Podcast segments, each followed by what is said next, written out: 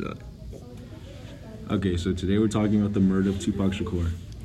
The details we have on this case is no one has been arrested for the killing despite victim notoriety. Um, but we also know that Shakur and others in his entourage were captured on tape in the lobby of MGM Grand Hotel in a violent fight with a man later identified as a member of the Los Angeles based Southside Crip Street gang. Hours later, after the fight, Shakur was riding as a passenger in a car driven by Death Row Records head Marion Suge Knight when a white Cadillac pulled up alongside them and at a stoplight and opened fire. At least 12 shots were fired, four which struck Shakur and one which grazed the head of Suge Knight. Um, he was later taken into emergency emergency surgery at a medical center, and which saved Shakur's life that night. And in the days following, doctors announced that his chances of recovery had improved. But unfortunately, on September 13th, 1996, Tupac died of his wounds.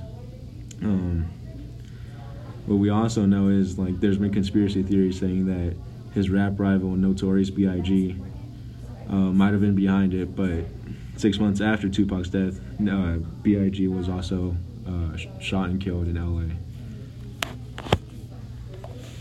The background info we have on this, like suspects and victims. So Tupac signed with Death Row Records, which is run by Suge Knight, and another suspect we have is Orlando Anderson. He was a Crip gang member of the LA Crips.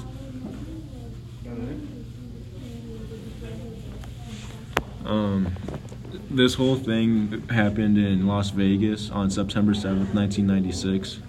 And the only evidence they have is surveillance video of Anderson getting beat down by Tupac and his gang.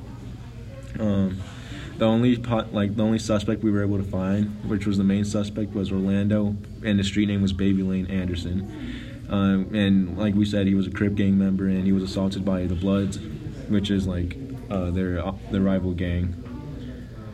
And then the way the, ev- the evidence was handled, it was handled incorrectly, and that was because they discounted an incident hours before the shooting in which Shakur took part in the beating of a gang member in Las in the Las Vegas hotel lobby and then they also failed to follow up with a member of Shakur's entourage who witnessed the shooting and told the police he might be able to identify one or more of the assailants. The witness was killed several weeks later in an unrelated shooting.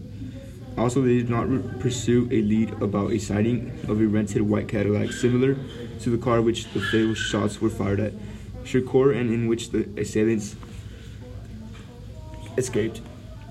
And because of like how the evidence was or like or like lack of evidence that was collected um, all these mistakes affected the case by one the cops had no leads whatsoever and since they had no leads they didn't want to go gain information information from a gang member which might have like which might have helped but they didn't want to talk with the gangs um, and their main suspect orlando anderson was later on killed in compton in a car wash over drug debt so Tupac's case is technically still an open case, but it's there's no leads as of right now.